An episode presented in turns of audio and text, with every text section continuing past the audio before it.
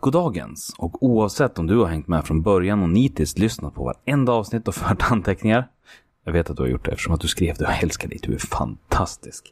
Eh, eller om det här är ditt allra första avsnitt så ber jag att få hälsa dig välkommen till det 26 avsnittet av Civilsamhällespodden. Jag heter, precis som alla andra gånger för Charles Metzman och jag kommer från Hallstahammar men här i podden representerar jag mig själv. Hallstahammar är för övrigt hem till Strömsholms kanal som invigdes 1795. Och kanalen är en av Sveriges längsta som går från Smedjebacken i Dalarna till Mälaren och den användes hela vägen fram till 1941 för att transportera järn från Bergslagen. Det betyder alltså att du kan åka båt hela vägen från Hallsta till huvudstaden. Eh, totalt i kommunen finns det runt 12 slussar. Nej, inte runt 12, det är 12. De är inte så svåra att räkna. Eh, och kanalen har liksom en fallhöjd på 50 meter när den rör sig innanför kommunens gränser. Så det är ganska mycket. Eh, den har dessutom byggnadsminnesförklarats 1990. Inte kommunen utan slussarna. Eh, och kanalen i sin helhet. Eh, och idag så är det fritidsbåtar som åker där. Så ett väldigt populärt sommarjobb i Hallsta. Jag cykla runt som slussvakt. En annan kul grej är att den handgrävdes också. det finns mycket mer att berätta, men det ska vi inte prata om nu, så du får googla det istället. För nu blir det vinjett. Sverige är ett land som är byggt av folkrörelser. Och vi vill lyfta fram de unga kandidaterna till styrelsen. Om en grupp av människor har en gemensam intresse, då kan de bilda en förening. Det är en gryende folkrörelse. Idag sitter jag här tillsammans med Mattias Hjelmberg som är intressepolitisk handläggare på Riksidrottsförbundet. Goddagens! Tjena! Är du redo? Jajamän. Då startar vi med den första frågan som mm. vanligt. Hur blev du en engagerad människa? Jag tror att det handlar om eh, mamma och pappa. Jag växte upp. För mig har det varit idrott som har varit engagemanget hela tiden. Speciellt när jag var ung och så när jag blivit nu då lite äldre så kanske man förstår att det finns massvis med saker att engagera sig i i samhället och sådär. Men under uppväxten så var både mamma och pappa engagerade liksom i de idrottsföreningar där jag fanns. Och, ja, lite klassiskt könsstereotypt sådär. Pappa var tränare. Eh, mamma hjälpte till i föreningen på andra sätt. Var, mm, ja, jag tror pappa var med i styrelsen och mamma var engagerad i någon kommitté och sådär. Så där blev det på något sätt en, eh, en del av uppväxten liksom. Att det är bra och det är kul att göra sånt här tillsammans med andra. Men, men hur tog du steget då från den här utövande delen av idrotten till liksom mer infrastrukturen bakom? För det är ganska många gäster som har pratat om att jo, men visst, jag höll på med idrott men jag blev aldrig involverad i den här föreningen bakom. Nej, men jag vet inte. Det var väl att det var eh, någon gång där i slutet på gymnasiet eller strax efter gymnasiet tror jag. Så hade, då spelade jag i en innebandyförening och så skulle de ha en så här sommarlovsläger. Typ. Och då så var det någon som frågade, ah, men du kan väl vara med här och vara ledare. Så jag bara, visst det kan jag väl vara tänkte jag. Så jag undrar vad man ska göra då. Och så hjälptes vi åt och så funkar det bra. Så det var väl någon så här första steg liksom. Att eh, ta på sig en, någon sorts ideellt ledar, ledarroll där. Och sen så eh, blev man lite mer engagerad sådär i föreningen. Och sen så hade jag en tidigare tränare som hade börjat jobba på Svenska innebandyförbundet då. Som ringde och frågade om jag ville vara med i en kommitté som de hade. Och sen efter det så blev det, ja men ni vet, små steg här och var och några bananskal hit och dit. Eh, men jag tror det är som, det står så många forskningsrapporter, det var liksom någon som frågade. Annars hade jag nog eh, inte gått och knacka på dörren själv liksom. Utan mm. det var någon som sa så här, vi tror på dig, kan inte du vara med? Och då blir man ju glad såklart, som jag tror de flesta blir. Man blir ja, någon som tror på en. Och hur gick det sen då från steget eh, mellan att vara engagerad lite grann i innebandyförbundet till att sen, ja, där du är idag? Det blev ett annat bananskal. Ehm, jag är ju lärare från början. Så när jag var eh, engagerad då i innebandyförbundet så jobbade jag på en högstadieskola. Eh, som matte och idrottslärare. Och så var jag engagerad i innebandyförbundet och så hade vi, skulle vi göra om... Eh, ja, det var så att då, precis som nu, även lite bättre, så var det ganska många eh, tjejer i tonåren som hade knäskador. Och så funderade vi på att och tjejerna blir... Det är, lite, det är färre tjejer som spelar innebandy så konkurrensen är lite lägre. Vilket innebär att om man är duktig som ung så kommer man upp i seniorverksamhet tidigare. Och rent prestationsmässigt liksom, så platsar man högre upp i, i den här pyramiden tidigare. Och så funderar jag på, okej, okay, men då, när man kommer upp där så är man kanske inte fysiskt liksom lika stark som de man möter. Och så är det ju en kontaktidrott och man ja, mycket riktningsförändringar så man kan fastna i golvet och så. Och då så tänkte vi så här, men vi kanske ska sätta en minimiålder på när man får delta i seniorspel. För det fanns inga regler, man fick liksom, ja, uppåt får man alltid flytta så att säga, var ju idén då. Och då skulle jag kolla om det var någon annan idrott som hade infört någon sån här regel. Som vi kunde kolla hur det hade gått för dem och vad det var för problem och sådär. Så då ringde jag till en man som jobbar på Riksidrottsförbundet som heter Anders. Som, eh, för att kolla om tips vilka han visste. Och då så var det nämligen så. Så då pratade vi lite om det där och sa du förresten. Så här, vi, vi har en tjänst ute, har du sett den? Så, Nej, så jag hade inte tänkt på det överhuvudtaget. Nej, men du borde nog söka den, sa Och så sökte jag den och så var det då den här Anders som blev min chef som anställde mig. Så äh, nästan lite samma sak på något sätt. Så här, men jag tror på dig, ska du inte prova det här? Och så hade jag tur. Mm. Vad spännande. Ja. det bara liksom slumpar sig så väl. Mm.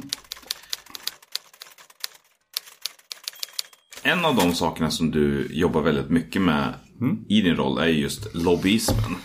Yes. Som vi hade tänkt att prata om som dagens tema. Ja.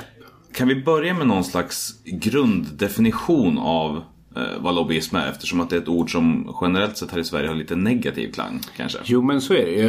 Eh, och jag tänker att ibland om jag använder det för att beskriva vad jag gör på jobbet så är det ju inte alla som lyser upp i ögonen och sådär. Utan det har en lite negativ klang faktiskt. Det är det ju. Och jag tänker att ofta så i medierapportering så kopplas det till eh, eh starka, ofta multinationella företag eller branscher liksom, som vill påverka um, politikers beslut så att det blir bra för företagen såklart då. Och På det är väl bekostnad av mänskligheten. Ja men lite så. Om man skulle riva lite så tänk om man... Det jag kommer först upp i mitt huvud nu det blir så ja men typ så här, tobaksindustrin har lobbyverksamhet en- gentemot EU-kommissionen. Typ. Och då tänker jag att det finns många som gör den direkta associationen. Så det är inte jättepositiv klang. Sen så tror jag väl, om jag minns rätt, så kommer väl ordet lobby kommer från det brittiska parlamentet från början. Där det var i ja, lobbyn, i entrérummet så kunde allmänheten möta politikerna då. Jaha, så, Så när de kom ut typ på fikapauser eller ja, man kanske tepauser kanske då. Eller, eller när det var slut eller innan så, så kunde man stå och liksom diskutera med ja, parlamentsledamöterna då. och då blev den fysiska platsen ett verb. Precis. Eh, men det var inte det som svar på frågan. Frågan var vad det är.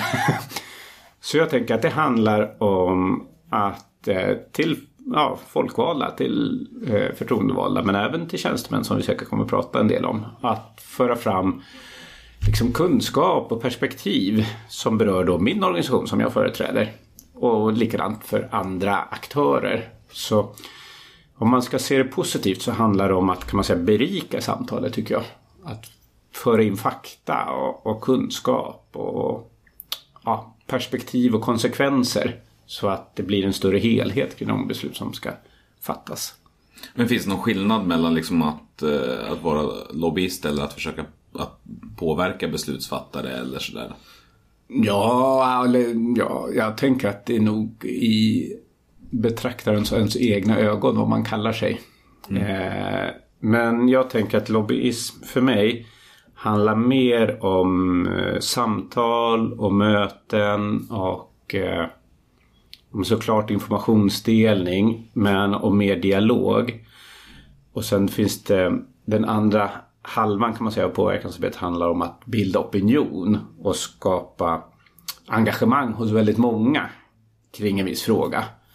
Eh, och då handlar om att få nyhetsrapportering eller göra, vad vet jag, insamla, samla in namnunderskrifter eller skriva debattartiklar eller demonstrera såklart. För att liksom visa någon sorts folkets vilja eller någon, åtminstone någon sorts grupps vilja. Och de där behöver ju samspela ju. men då för mig blir lobbyismen mer ja, den konkreta dialogen. De direkta kontakterna. De direkta kontakterna. Mm. Eh, men spännande, då har vi liksom någon slags ram att förhålla oss Mm. till. Eh, och ni, det här är ju någonting som du jobbar ganska mycket med. Mm. Vad, eh, vad är det du gör när du jobbar med det? Man, eller man, jag, vi eh, börjar med att försöka veta vilka personer som är smart att prata med. Om vi nu ska påverka någon sorts beslut så är det ju bra att ha koll på vilka som faktiskt är med och fattar beslut. Och då blir det ju självklart är det ju ofta någon makthavare. Det kan vara någon på kommunal nivå så kanske det var, kan vara ett kommunalråd till exempel eller ja, flera personer då i kommunstyrelsen eller vad det nu kan vara. Eh, men de har ju också människor runt omkring sig som de såklart rådfrågar eller som tar fram underlag till dem eller så. Eh, och de behöver man ju också träffa eh, och prata. Och då blir det också ofta så att det är lite ehm, ja, beroende på så blir det lite nivåindelat kan man säga. Att jag som eh, tjänsteman på Riksidrottsförbundet har lite svårt att ringa till Stefan Löfven och säga så här, du ska vi fika lite? Vi har eh, utmaningar med det här med nya dataskyddsförordningen och nya dataskyddslagen.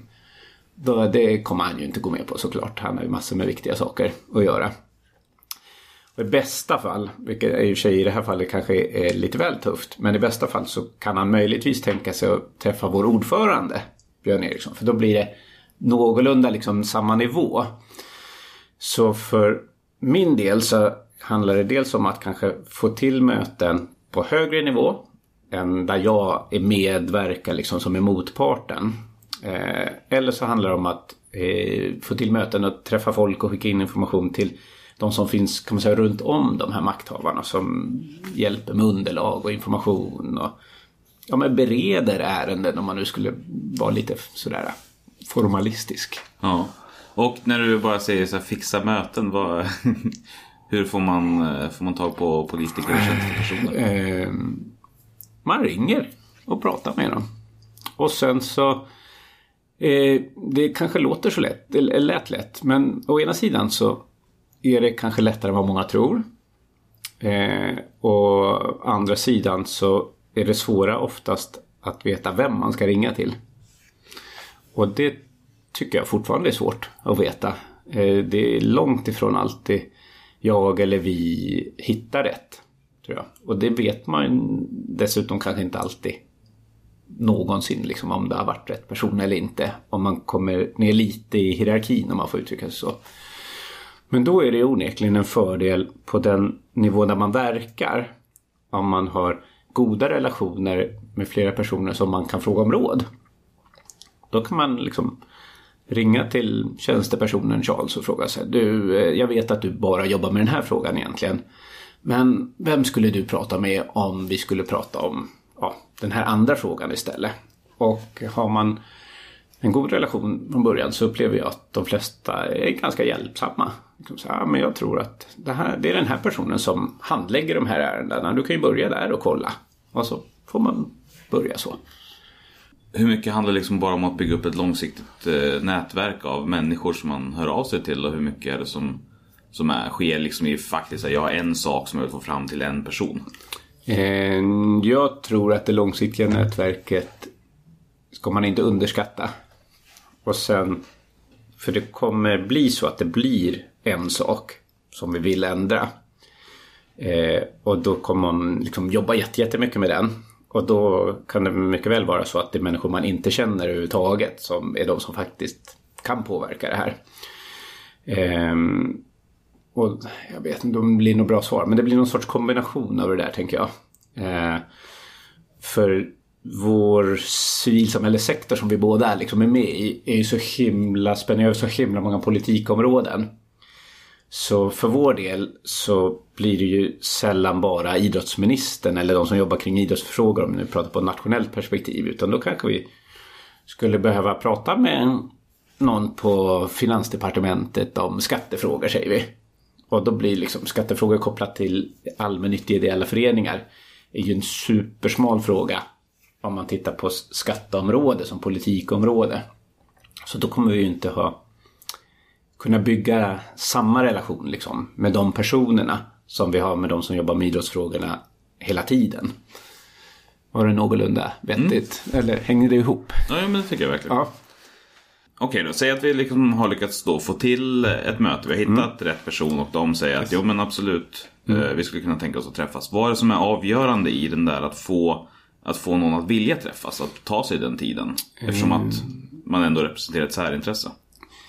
Ja, kanske. Vi kanske inom idrotten har det lite lättare eftersom det är en ganska stor rörelse. Så eh, då blir det nog lite mm, svårare att säga nej från början. Eftersom vi blir någon sorts kan man säga, stor aktör om man får säga så.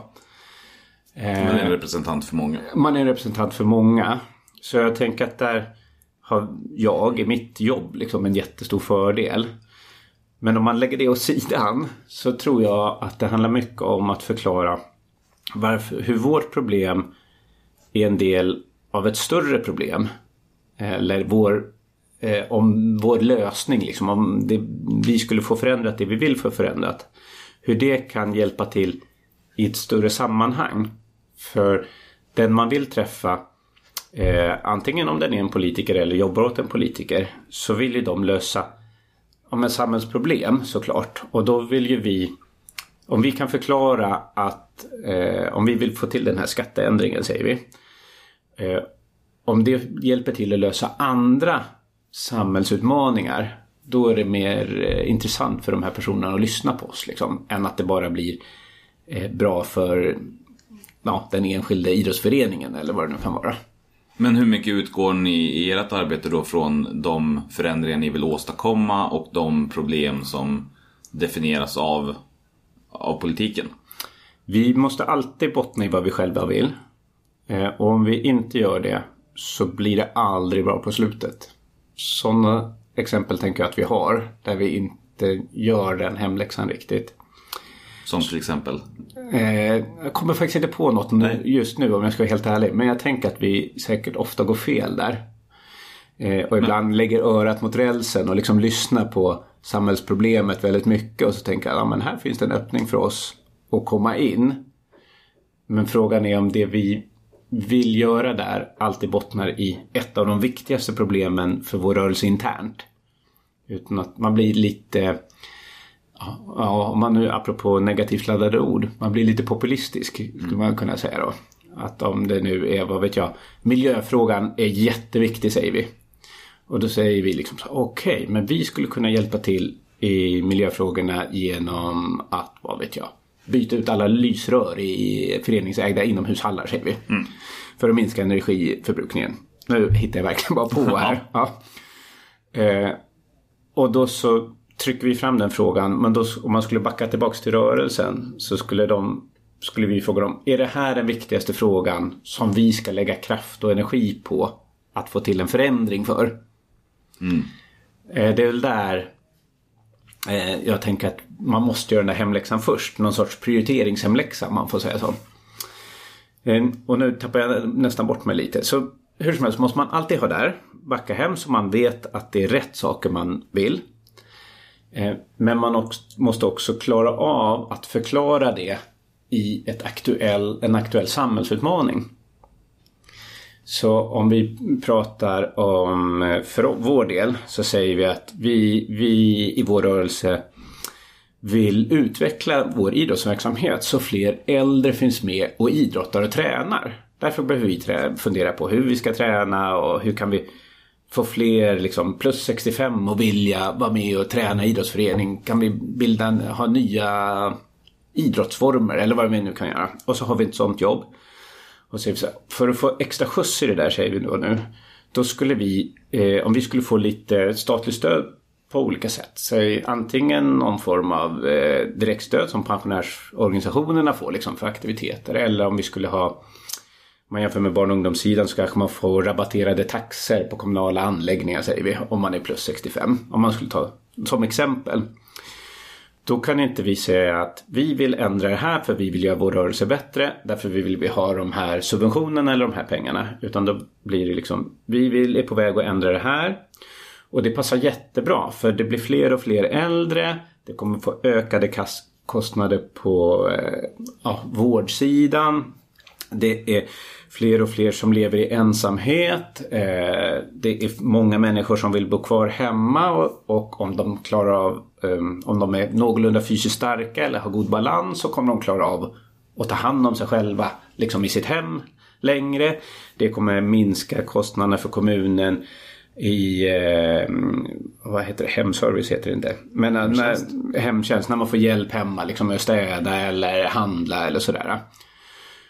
Och då behöver vi förstår, packa ihop de där sakerna och sätta det i, i ett sammanhang där det finns en, en samhällsutmaning. Och så att då blir vi en tårtbit här. Ja, precis. Så att ni hittar först det, ert budskap, den kärnan som ni bottnar i som är Yes. viktig för er och sen så paketerar den på ett sätt som förstås. Ja, ungefär så. Ja.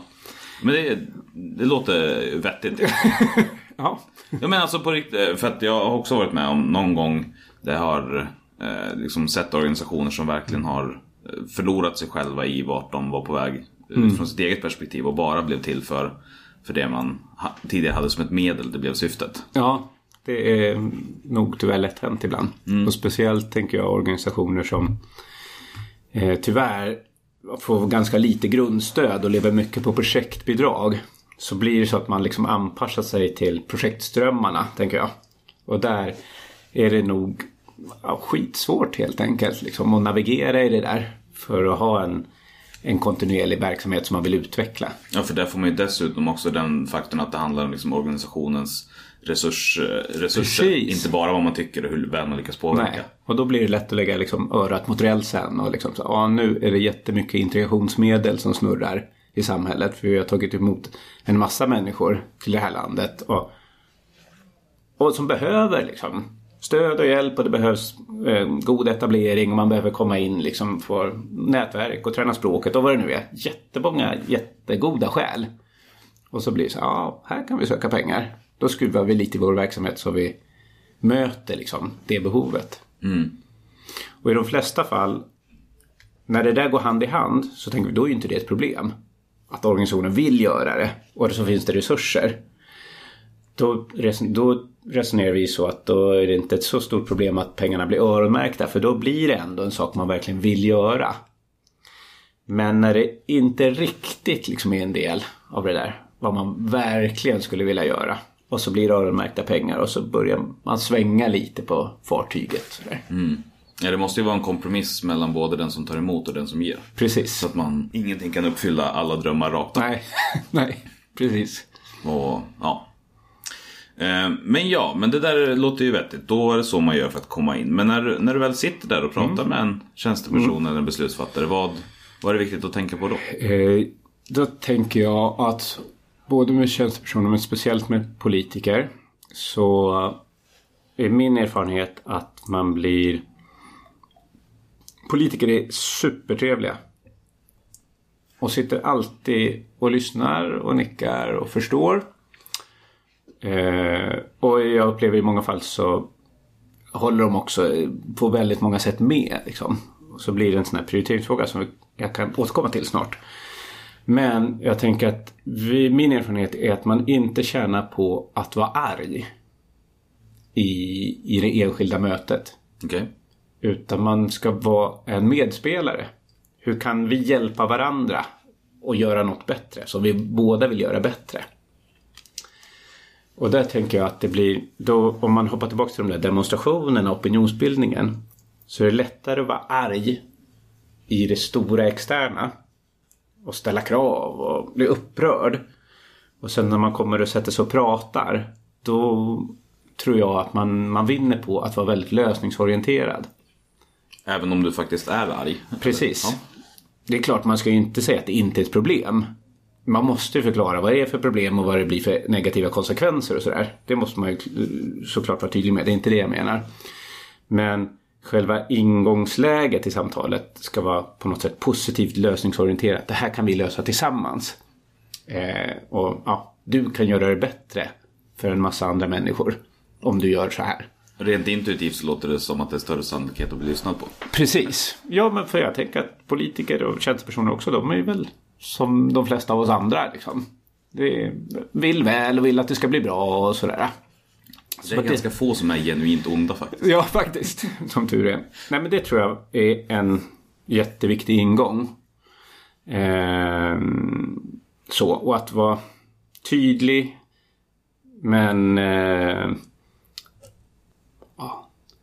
negativ kanske är fel ord. Men jag tänker att ni som lyssnar kanske också förstår vad jag menar. Att man ska ha... Vara, eh, man ska komma med en lösning, så kanske man ska säga.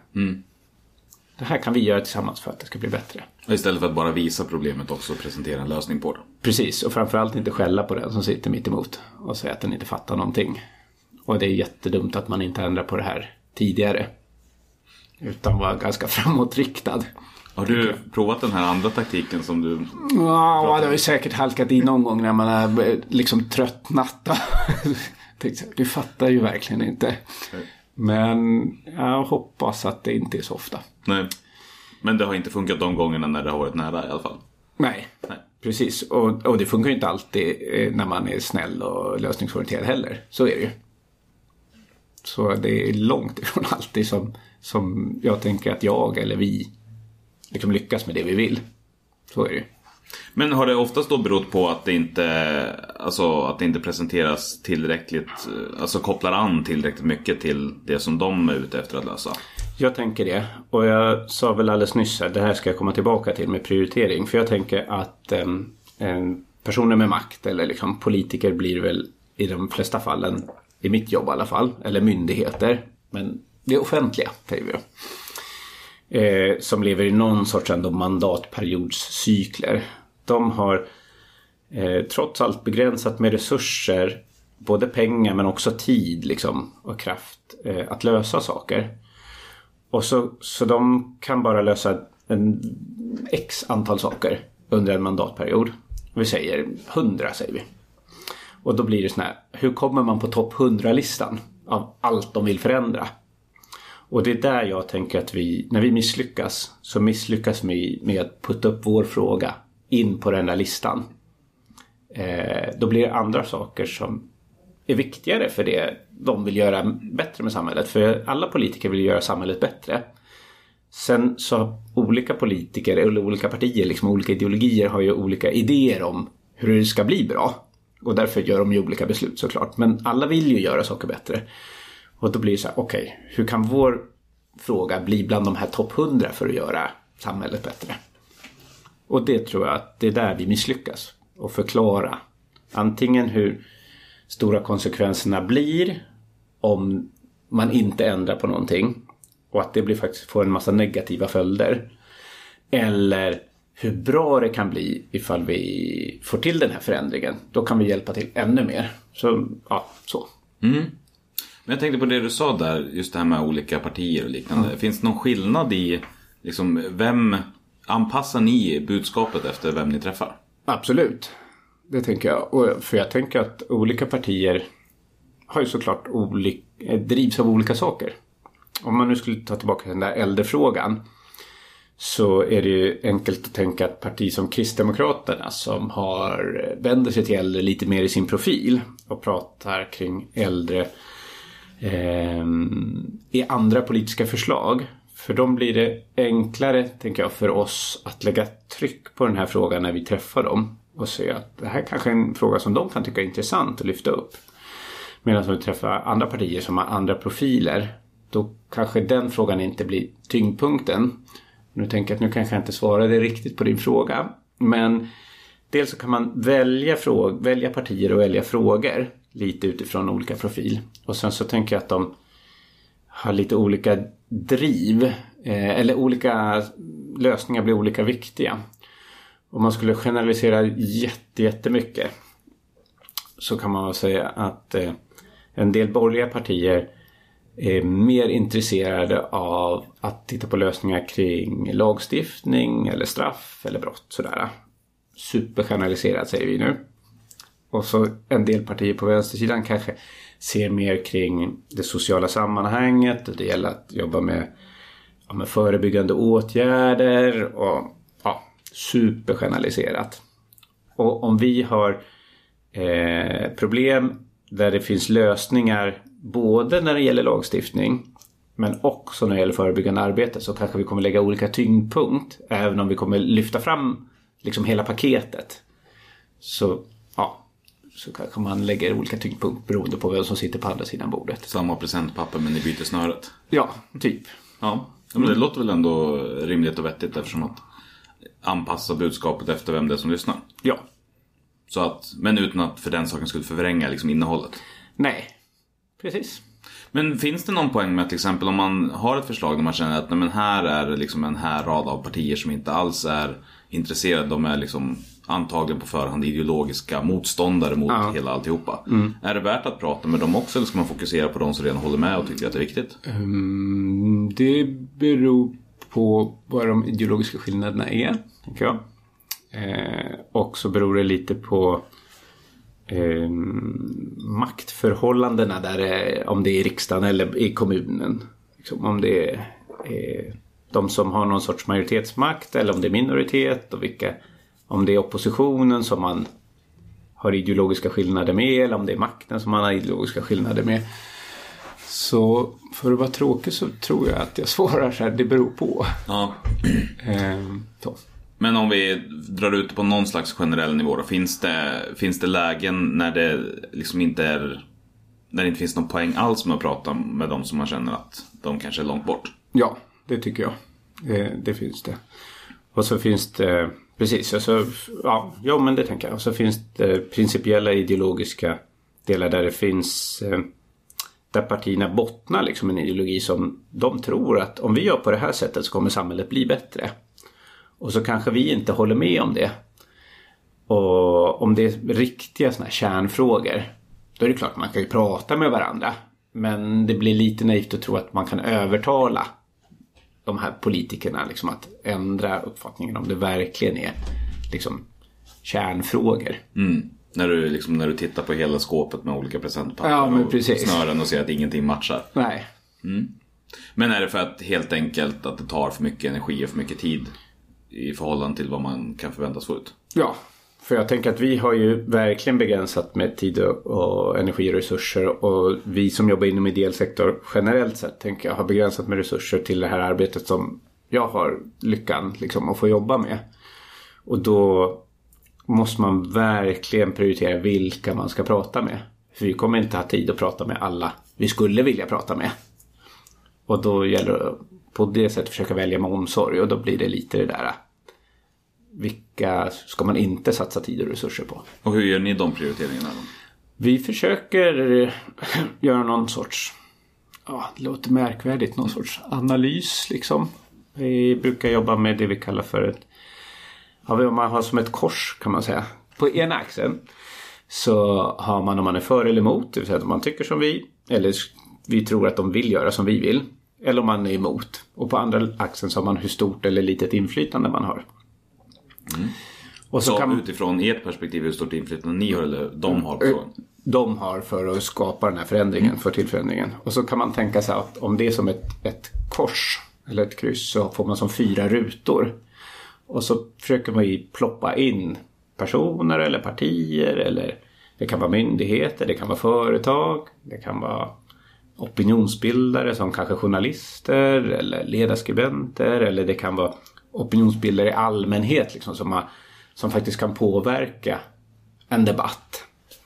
Eh, det kan vara liksom kändisar om man får säga så. De, de ingår liksom i opinionsbildardelen. Offentliga personer? Offentliga personer. Och så försöker vi pricka in dem där eh, så gott vi kan. Och det är, tycker vi ofta är ganska svårt. Men man får göra liksom en bästa gissning och prata med folk och försöka ändra på det här. Och så säger vi att vi får 20 stycken sådana här punkter säger vi i det här eh, rutsystemet. Och så kanske vi har eh, liksom resurser att välja ut tre av de här. Och då får vi ju skala bort ett gäng helt enkelt. De här hinner vi inte med, de här orkar vi inte med att träffa eller har inte resurser. Och då kan det vara bra eh, Dels är det bra att ha med, med sig dem såklart som har mycket makt och tycker som vi. Det är ju ganska naturligt. Men det är lätt tänker jag och det är roligare att prata med folk som tycker som en. Eh, så jag tror att människor, jag också, är... Ja men det ligger nära. Det är ju trevligt att vara med människor som tycker likadant som en själv. Så att man blir lite bekväm ibland tror jag. Men det är en poäng att prata med dem som har mycket inflytande och är emot. Dels i bästa fall för att försöka få dem att ändra uppfattning. Men om inte annat för att få förstå deras argumentation. Och resonera med dem. Liksom, och förstå hur de, hur de tänker och vad de kommer säga emot. Så att säga, för att kunna vässa sin egen argumentation. Och sen den tredje delen jag tänkte säga är att hitta människor eller personer, organisationer i det här rutsystemet som man tror att man kan förflytta. Så, så man kan förflytta dem till för och ja, stort inflytande kan ibland vara svårt att, att flytta möjligtvis. Men om man tänker sig att man som i ett vanligt eh, sån här rutsystem så är det väl alltid bäst att vara längst upp till höger brukar ju ofta vara bra. Liksom, det är bra värden. Så man tänker att man ska flytta folk snett uppåt höger. Så om man hittar några som man tror att man kan förflytta så de, brukar vi försöka tänka dem. Och det vet man ju inte om det är innan liksom. Om vi har gjort en rätt bedömning eller inte. Om det går att förflytta dem eller inte. Så det blir lite, lite så här gissning. Men gör ni alltid det här som en, som en faktisk övning eller har ni det mer som en Ja, tankelek? på stora frågor gör vi de- definitivt det. På viktiga frågor då gör vi, då gör vi, sätter vi oss några stycken och så gör vi ett sånt här kors och så spånar vi. Bara skriver upp massa namn och organisationer och sådär. Och, och eh, då är det också bra att hitta det vi kallar för medspelare. Eh, och ju mer osannolika medspelare desto bättre. Okej, vad Så betyder det då? om vi vill ändra en... Eh, vi har utmaningar nu. Om man skulle ta ett konkret exempel. Om vi, vi har utmaningar nu kring eh, nytt ställningstagande. Nu säger jag att det här är en jättebrasklapp för jag är inte helt säker på att Skatteverket har ett nytt ställningstagande eller inte. Men det finns eh, eh, en ny dom i EU-domstolen i alla fall som har trillat ner via i systemet om hur man ska betrakta moms på fastigheter. Jag hoppas att lyssnarna går med på att vi inte förklarar detaljerna här. Vi säger att vi har problem med fastighetsmoms. Mm, säger vi. Eh, och hur man som ideell förening kan hyra eller inte hyra och det blir trubbel med det här. Och då visar det sig att det kanske är så eventuellt att Svenskt Näringsliv kanske också tycker att den här förändringen är ett problem. Och då är det att liksom Riksidrottsförbundet och Svenskt Näringsliv skulle gå fram med en gemensam fråga kring moms är ju en oväntad kombination.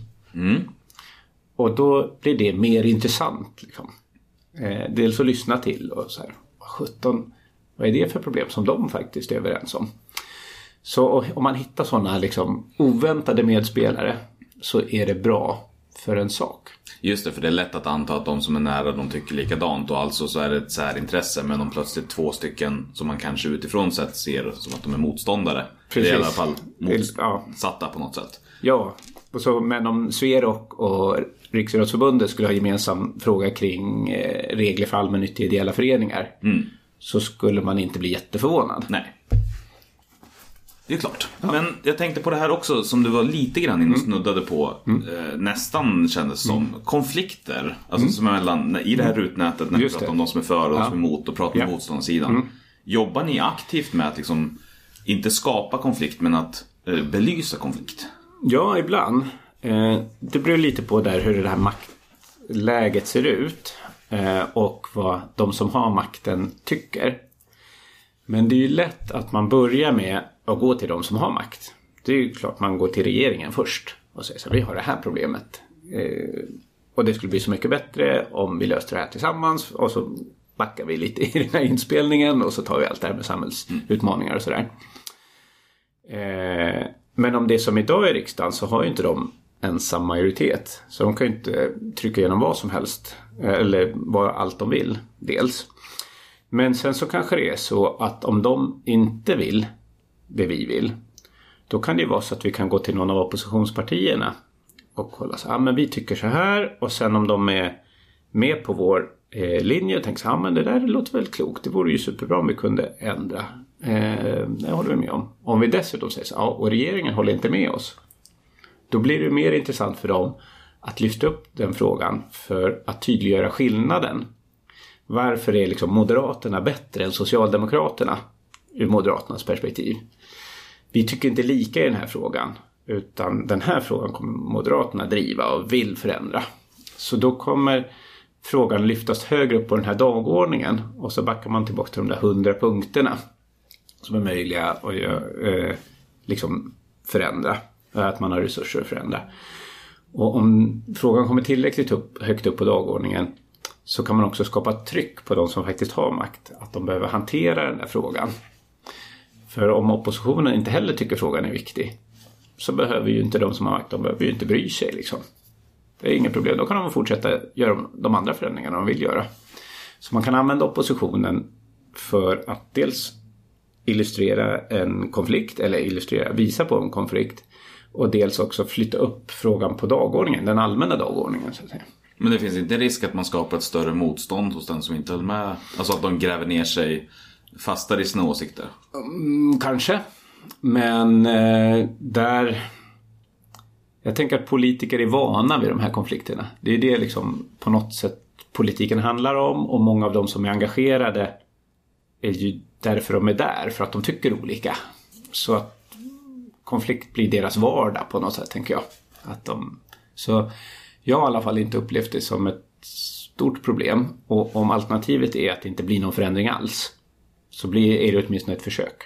Så det här är någon slags mellanläge mellan det här som vi pratar om. Om vi pratar om uppdelningen mellan påverka, opinionsbilda Ja. och lobba enskilt. Så blir det här mittenalternativet. Ja, och då blir det, jag skulle ha det i lobbydelen. Ja, ja. Eh, så då blir det enskilda möten för att få andra att agera liksom, i en fråga. Om man skulle ta ett konkret exempel där så var, har det varit, eh, det blev ju beslut i våras men det var några år tidigare så har det varit en debatt ifall man skulle ha mer idrottstimmar i skolan eller inte. Och där var, eh, kan man säga, regeringen var emot förslaget och så var alliansen för.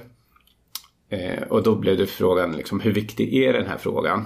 Och så var det lite osäkert med SD var de skulle hamna någonstans. Eh, men då blev det så blev det en allmän opinion där det var flera som lyfte att det här var ett bra förslag. Och då blev det intressant för Alliansen att trycka i den här frågan för att visa att vi tycker något annat. Och dessutom, om det är många utanför som tycker som vi så blir det ännu mer intressant. Så att- Lyssna på oss, liksom. Vi har ju bästa förslaget. Och så flyttades den där frågan så pass mycket så att till slut i våras så ändrade sig regeringen. Och införde, ja, ska från och med nästa höst tror jag. Eller om det är hösten efter hösten 2019 tror jag. Så ska man ha 100 timmar mer idrott i skolan under hela grundskoleperioden. Något som de var jättetydliga emot för ett år sedan. Och var ni en del av det här på något sätt då? Ja, en liten del, men det var många delar. Men vi fanns med som en av de, alla de här som tyckte att då alliansföreträdarna hade ett bra förslag. Eh, så. Men det var många andra som tyckte samma sak också. Ja, ja, men det förstås. Det, är, det är ett komplext system vi pratar om. Ja. Med väldigt, det är svårt att överblicka på det sättet eftersom att det ändå är många mellanmänskliga möten som hinner ske. Yes, precis. Men, eh, men, men såg ni det som en seger eller någonting som ni hade åstadkommit? Sådär? Ja, det gjorde vi faktiskt. Eh, ja, det där med att vi har åstadkommit det. det men vi Varit del av. Ja, men precis. Det, så skulle jag nog säga att vi såg det. Men är det någon gång som ni känner att så här, men det här, var, här lyckades vi? Eller är det alltid ett liksom stort... Här, Nej, men jo, men det finns nog en del. Här lyckades vi. Men eh, det är ju inte alltid de är offentligt kända, låter så kryptiskt. Men att det har varit en debatt kring det. Vi kan ju liksom ha haft problemfrågor som vi har klarat av att lösa i, genom samtal och förklaringar och sådär. Utan att det blev första sidor. Ja men precis och det är knappt någon som vet om det att det har blivit. Men då är vi ju glada ändå. Eh, Då, det är kanske till och med ännu bättre. För då har det bara löst ett problem och så rullar livet på på något sätt. Fast lite bättre. Ja, nej, men jag tänker att det kan ju ändå vara relevant som perspektiv huruvida man ska satsa på att liksom, om vi tycker det här, den här frågan, ska vi liksom köra själva in i, in i döden för Ja. det? Eller ska vi sikta på att få med oss andra också? Jag tror att det är alltid bra att få med sig andra. Men det är inte alltid lätt. Nej. Eh, men vi pratade lite tidigare just om det här mötet och en, ett av tipsen var ju just då att, att inte vara arg. Finns det någonting annat som, som är bra att tänka på? Ehm, var väl förberedd såklart. Men det kanske är självklart. Eh, och ha eh, bra fakta. Alltså eh, om man tar in det i förberedd. Liksom, så att man faktiskt kan argumentera för sin sak. Men ska, är det så att man ska lämna över och ha någonting med sig som man... Eh, Det kan man nog göra och de personerna kommer alltid ta emot det. Det är inte säkert att de alltid kommer läsa det man tar, eh, tar med. Men i så fall tänker jag att det ska vara ganska kortfattat. Eh, sen så det andra som kanske är det viktigaste och som ofta är ganska svårt är att vara så precis som möjligt i vad man vill ha för förändring. För om det nu den här personen man sitter mitt emot eh, vill hjälpa en så måste de veta vad de faktiskt ska göra. Och hur precis är precis? Så superprecis som det bara går. Om det handlar om att ändra ord i någon skrivning någonstans eller om det handlar om att öka något stöd säger vi. Så då är det bra om det är liksom så här mycket pengar precis skulle det vara. Och det skulle kunna delas ut på det här sättet. Alltså jag tänker ju mer precis och konkret man kan vara desto lättare blir det för den som man vill ha hjälp av. Och är man luddig desto svårare blir det helt enkelt. Ni brukar inte gå på möten och säga förbättra villkoren för idrotten? Det gör vi nog alldeles för ofta. Okej. Och då, och då blir det sämre resultat. Ja. Och ibland så är det så att man inte alltså att jag inte vet. Vi har inte klarat av att landa i precis vad som skulle behöva ändras.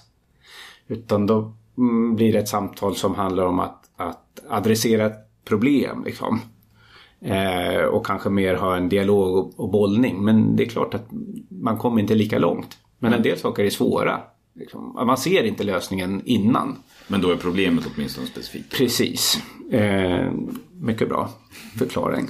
Eh, nej, men det tror jag. Och det tror jag faktiskt är ett, eh, ett av mina viktigare medskick. Om man får säga så. Tror jag att vi, vi behöver bli ja, bra på att förklara vad som faktiskt ska förändras. Om det handlar om bidragsregler säger vi. Ja, men då är det den här punkten i reglerna som är fel. Det är därför det blir knasigt. Om man kan vara så precis. Om man inte tycker att hela systemet är dåligt. Ja, men, men då kanske det är en poäng att liksom ha ett utformat alternativ. Precis. Man För att ska, det, det precisa kan ju även vara stort, ja, tänker jag. man ska erbjuda en lösning. Spännande. Ja, nu har vi pratat mycket utifrån Mm. ett eh, så här, Stockholmsperspektiv och eh, den maktkoncentrering som är stat och regering och så Mm. vidare. Eh, Går det här att översätta på, i någon form på lokal nivå? Absolut, jag tänker att det är samma sak. Och för våra organisationer så kanske till och med enklare på lokal nivå. För då blir föreningslivet och liksom civilsamhället blir mycket närmare. Det är mer på riktigt på kommunal nivå.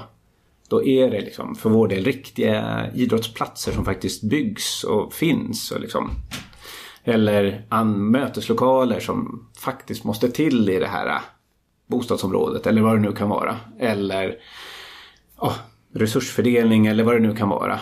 Jag, så jag tänker att vi har större chans att få in föreningslivets frågor på lokal nivå högre upp på dagordningen än på riksnivå. För då blir det ja, men mycket större frågor. Då blir det så här, vad vet jag, nationens säkerhet säger vi. Eller så blir det Eh, arbetslöshetssiffror totalt för landet eller konjunkturer eller bostadsbrist och räntelägen. Alltså att det blir så här mm, makrofrågor som man såklart måste prata om på nationell nivå. Men många av våra föreningsfrågor landar ändå liksom på det där lokala och där faktiskt kommunen ofta i vårt fall tycker jag är de som har makten att besluta om saker och ting. Ja, och sen så blir det lite, det beror ju förstås på vart man bor också, men som hemma i Hallstahammar när jag Mm. går på ICA så kan jag ibland liksom stå och snickesnacka en stund med kommunalrådet därför att, Definitivt. därför att allting sker på en lite mycket mindre skala. Så är det definitivt. Och på så sätt är det ju absolut eh, större möjligheter kommunalt. Och där är of- ofta politikerna kan man säga lite mer pragmatiska och mindre ideologiska. Det är mindre skillnad mellan partierna också generellt sett. Ja, eh, ja, och de är inte lika kan man säga fasta i sin ideologiska grund som för ja, sina beslut. Utan de kan vara liksom, ja men det här blir ju faktiskt bättre för oss i Hallstahammar. Ja men då struntar vi i den här ideologin liksom för det här beslutet. För jag ser liksom att nu kommer det bli bättre. Då kör vi på det. Ibland är det tvärtom, att de är ännu starkare i ideologin har jag också upplevt. Ja.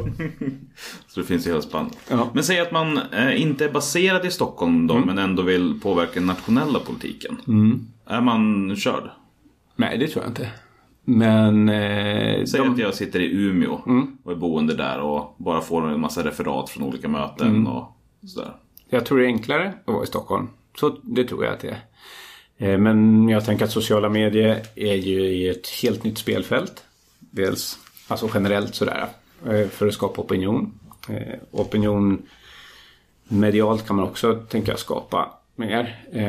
Men det blir ju lite svårare med de här enskilda mötena. Men jag tänker också att alla politiker som då sitter i riksdagen, om vi nu pratar med det, de har ju en hemort så att säga. De kommer ju någonstans ifrån allihop. Och där så kan man också tänka att, att ja, den här politikern som bestämmer om det här, var bor den någonstans liksom? Har vi någon lokalförening som finns där, där den här människan bor som man kan träffa på ICA som du sa och snicksnacka lite med. Så, och det, ja, jag tänker att politiker också, de vill ju också bli, kan man säga, omvalda såklart. Så, och de vill ju såklart synas i sin egen hemkommun och berätta att de gör bra saker och sådär. Så man har en annan ingång som kanske är effektivare. Ibland. Om den träffar rätt. Ja, eller jag kan tänka, de kan komplettera varandra. Så skulle man kunna se det. Så även om, jobbar ni liksom systematiskt med det då? Att, jag menar, ni är på nationell nivå här men försöker ni få den lokala nivån att jobba inåt också? Ja, men det försöker vi och vi har ju som sagt liksom fördelen jämfört med en del andra ideella organisationer att det blir liksom en stor rörelse. Så vi har ju 19 distrikt som alla har anställd personal. Så då har vi ju en eh, bättre liksom infrastruktur på så sätt. Så det gör vi och många av våra distrikt träffar det som kallas för sina riksdagsbänkar. Alltså de, oavsett partifärg ska man säga, alla politiker från distriktet som sitter i riksdagen. De brukar de samla liksom, lite då och då för att berätta om vad idrotten gör och liksom, våra utmaningar och sådär. Och oavsett vilket utskott de sitter i, liksom, ja, här i Stockholm då. Generell folkbildning bara. Ja, men lite så. Och också chans att, att säga att den, just nu så är den här frågan faktiskt vår största utmaning. Som ni i riksdagen skulle kunna hjälpa oss att lösa. Finns det några tips eller tankar kring hur en organisation som inte har de resurserna som ni har? Jag tänker om, om ni som har allt det här ändå när ni plottar upp den här kartan med 20 punkter bara väljer tre. Vad, hur ska man prioritera om man inte har den möjligheten att göra så mycket? Eh, jag tänker att det finns många små organisationer som är mycket bättre än vad vi är. Framförallt kring att skapa opinion. Både medialt men också sociala medier. Där jag tänker att vi har jättemycket att lära. Utmaningar. Så där tror jag att det inte alltid behöver krävas jättemycket resurser. Utan det handlar om ja, men bra kompetens. Liksom. Så kan man faktiskt sätta frågor. Och så tänker jag att det också handlar om att klara av att beskriva ett problem eh, så att det faktiskt berör. Liksom, människor bryr sig. Och jättegärna också då ha bra förslag på lösning. Men eh, jag tänker att det finns många små organisationer. Du har säkert flera goda exempel tänker jag på, på smala organisationer som klarar av att putta fram egna frågor som liksom är smala och små och sådär. Men de klarar av att beskriva dem på ett sätt som skapar engagemang. Så, så. Ja, vi har ju, nu kommer jag inte ihåg, jag tror att det är avsnitt 15. Där Ida Östensson pratar om Fatta-rörelsen. till exempel. Och de, hon, de var ju inte så många från början. Nej. Och sen har tryckt fram liksom. Ja, Men precis. där har det också varit just väldigt tydligt budskap och tryck på det mycket på många olika sätt. Ja. Eh, nu har vi pratat mycket om hur Ja. eh, man lobbar. Ja. Men finns det någon ser du någon risk med ett intensifierat lobbyarbete att det slutar med att alla bara skriker högre och högre och till slut så är det ingen som lyssnar? Om vi nu liksom rör oss, för att det har ju inte varit någonting som är så stor del av den svenska politiken. nej. Jämfört med till exempel nere i EU så är det ju väldigt systematiskt. Jo. Där man liksom registrerar sig som lobbyist och Ja, ehm, jag tänker att det förekommer ganska mycket i Sverige också. Eh, men kanske på ett annat sätt och jag tänker att, eh, att vi folkrörelser så att säga eh, håller på ganska mycket med lobbying. Eh, och har gjort ganska länge. Att det finns ju jättemånga saker som har vuxit fram i Sverige som kommer från liksom, föreningslivet och ja, allt från vad det nu är, skolmat till eh, liksom, dagis. dagis till ja, Eller förskola. ja. hur många saker som helst. Så jag tänker att det finns en massa. Och jag tänker ändå att man ska se det positivt som att vi är med och bidrar liksom i det demokratiska samtalet med fakta och underlag. Eh, sen är jag mm, privata, eller privat, eh, jag är för, eh, apropå EU, EU så är jag för transparens. Att man ska klara av att berätta liksom, vilka man träffar och vad man säger och sådär. Och så länge det finns en god transparens så tänker jag att det inte är ett problem utan det snarare berikar liksom, debatten. Att vi får tillit till att våra folkvalda tar in och filtrerar och anpassar efter. Ja, det tänker jag. Och jag tänker att de flesta, eh, både folkvalda och tjänstemän, är väldigt professionella. Det är min erfarenhet. Eh, Så. Är det någonting du vill lägga till som jag inte frågar om? Någonting som är... Jag tänker att vi har pratat om ganska mycket. Inget jag kommer på nu. Nej? Nej men i så fall så eh, rullar vi över på det som är den sista frågan. Det vill säga att du får dela med dig av lite personliga erfarenheter. Antingen kopplat till lobbyarbete eller inte. Men där det är någonting som har gått riktigt bra som du är stolt över. Och någonting dåligt som där du framförallt fokuserar på vad du lärde dig av det hela. Ehm, jag tänker att en, apropå vad man skulle ha medskick till lobbyister. Eh, som, jag, som kanske kommer prägla mitt svar lite grann nu. Är att jag tror man som lobbyist tjänar som mest på att inte ta åt sig äran när man lyckas. Så när eh, en, man lyckas få en politiker eller en makthavare att ändra sig och lägga fram ett förslag som passar ens egen organisation bra så tror jag man tjänar på sig inte säga det här var vår förtjänst. Utan låta den här då, makthavaren få vara den som står i rampljuset och berätta om hur bra allt det här är. Eh, för det är klart, de drivs ju av det. Men hur går det i hand i hand då med transparensen? Eh, jo men det tror jag. Alltså, transparens för mig det är möten och alltså, berätta argument och sådär. Men det är ändå inte jag som har makten att lägga fram förslaget så att säga. Utan det är ju politikern såklart som har makten. Och när den väl har beslutat sig så eh, vi ska inte hymla med att vi tycker likadant. Vi ska stötta förslaget och säga så här, jättebra förslag. Men det är ju inte, tänker jag, produktivt att säga att det var vårt förslag. Det är vi som har fått honom eller henne att ändra sig eller att lägga fram det här förslaget. Så i det perspektivet så tänker jag att när det gäller rena lobbyframgångar så tror jag det är smart att vara ganska ja, tystlåten sådär. Eh, men sen så finns det ju andra sammanhang när det blir, handlar om en opinion där det är uppenbart att någon har tyckt på något annat sätt från början. Och sen liksom svänger under vägen och så fattar ett annat beslut. Och då är det lite mer acceptabelt att säga att vi var en del i liksom den här processen.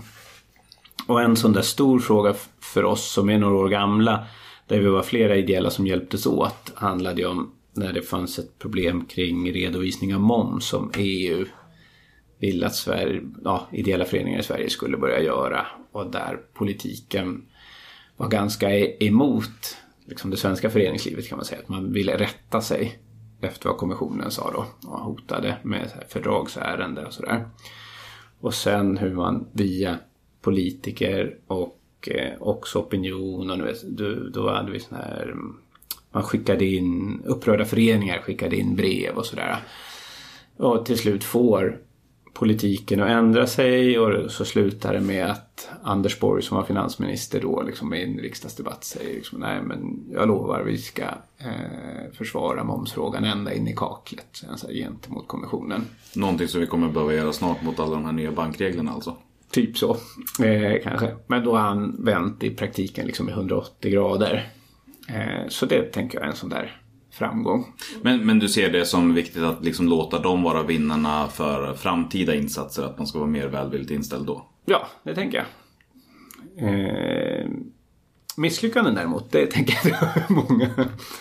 Men jag har ett, ett sånt som är någorlunda i närtid där vi inte har klarat av att sätt, flytta frågan högre upp på dagordningen. Och då är det våra motoridrotter, de som kör motorcykel och de som kör eh, ja, Bilsportförbundet och det är två av våra medlemsorganisationer.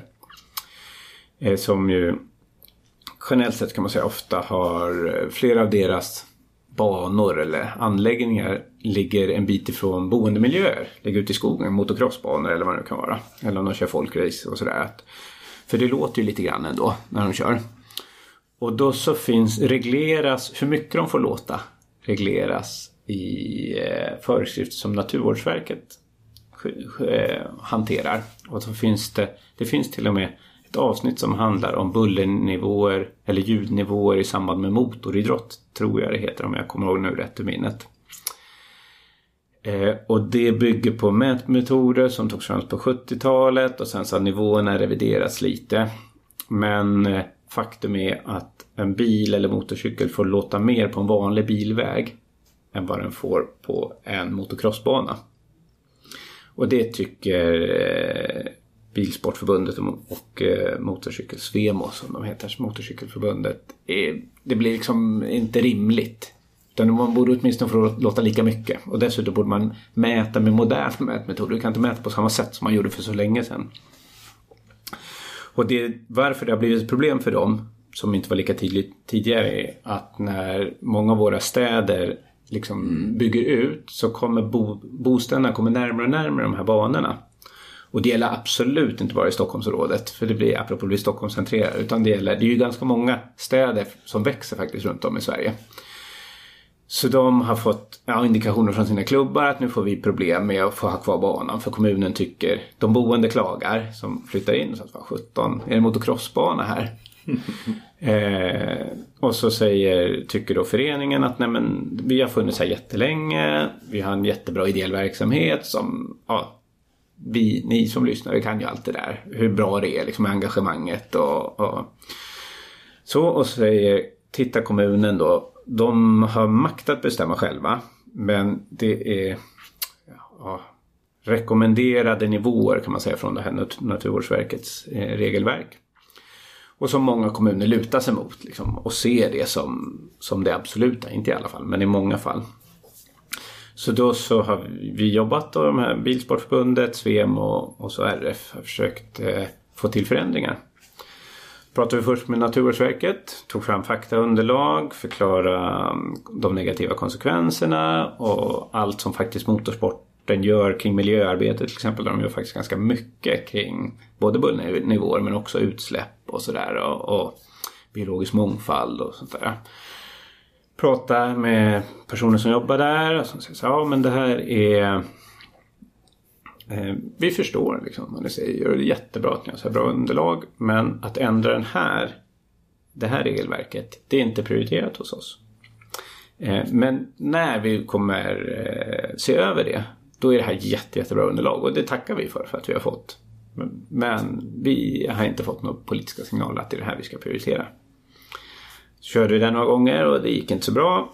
Och så prat, eh, kollar vi med regeringskansliet vilka som jobbar liksom med den här frågan. Och då ligger Naturvårdsverket ligger på näringsdepartementet. Och så hade vi folk från idrottssidan med. Och så hade vi sådana möte och förklara samma sak. Och så vi säga, ja, nej, men, ja, vi förstår liksom. Men det här är inte vad den politiska ledningen vill prioritera. Vad Naturvårdsverket ska liksom, ah, prioritera i sitt arbete. Det finns andra saker som är viktigare. Återigen på den där topp 100-listan. Och så gjorde vi jobb i det där i omgångar och vi frågade, hade sådär, ja, tror Svemo hade 25 procent av föreningarna som angav att deras verksamhet var hotad på grund av liksom, det här problemet och sådär. Men då klarar vi inte av att göra deras problem till ett större problem så att säga. Då blev det bara ett litet idrottsproblem i förhållande till vad Naturvårdsverket skulle göra. Det blev ingen del av de samhällsutmaningar de ville vara med och lösa. Så där har vi fortfarande ett problem. Vi har misslyckats totalt. Och alla vi har pratat med, otroligt vänliga. Och förstående och inlyssnande. Och, liksom, och så blir det. Men, Men inte tillräckligt angeläget. nej, precis. Jättebra underlag. Tack för att ni har tagit fram det här. Men det märks ändå att du har jobbat med det här ett tag när du lyckats hitta det exemplet som är opinionsbildande till...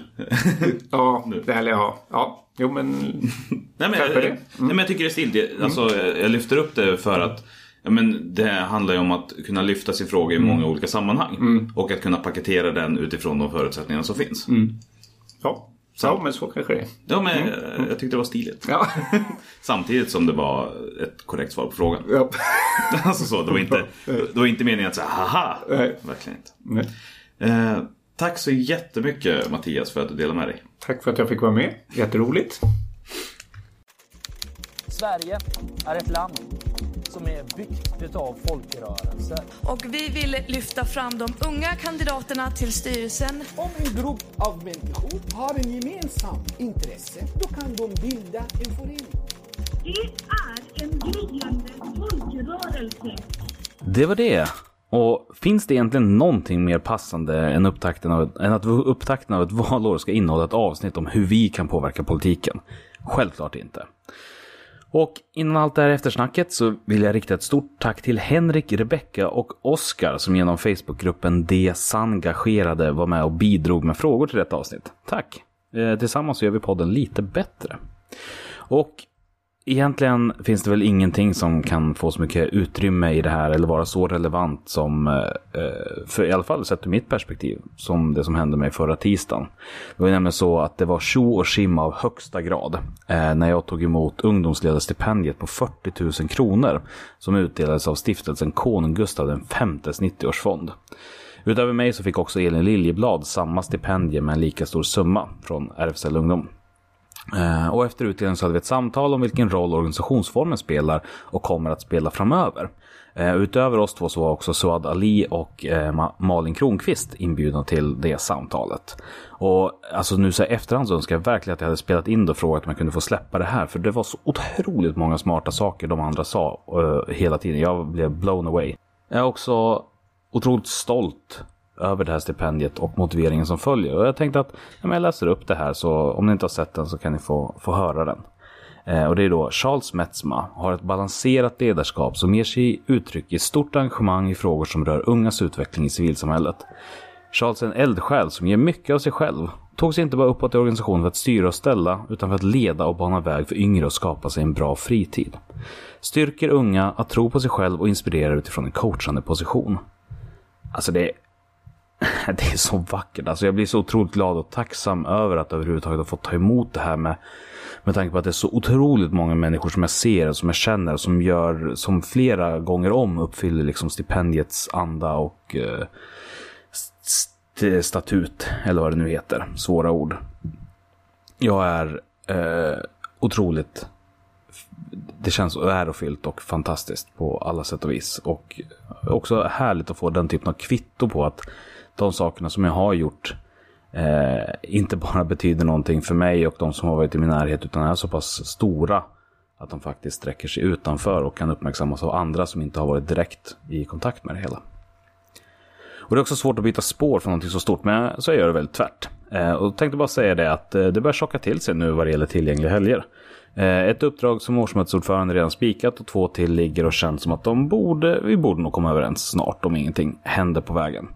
Men det kan det alltid göra för de här processerna är alltid väldigt luddiga har jag märkt.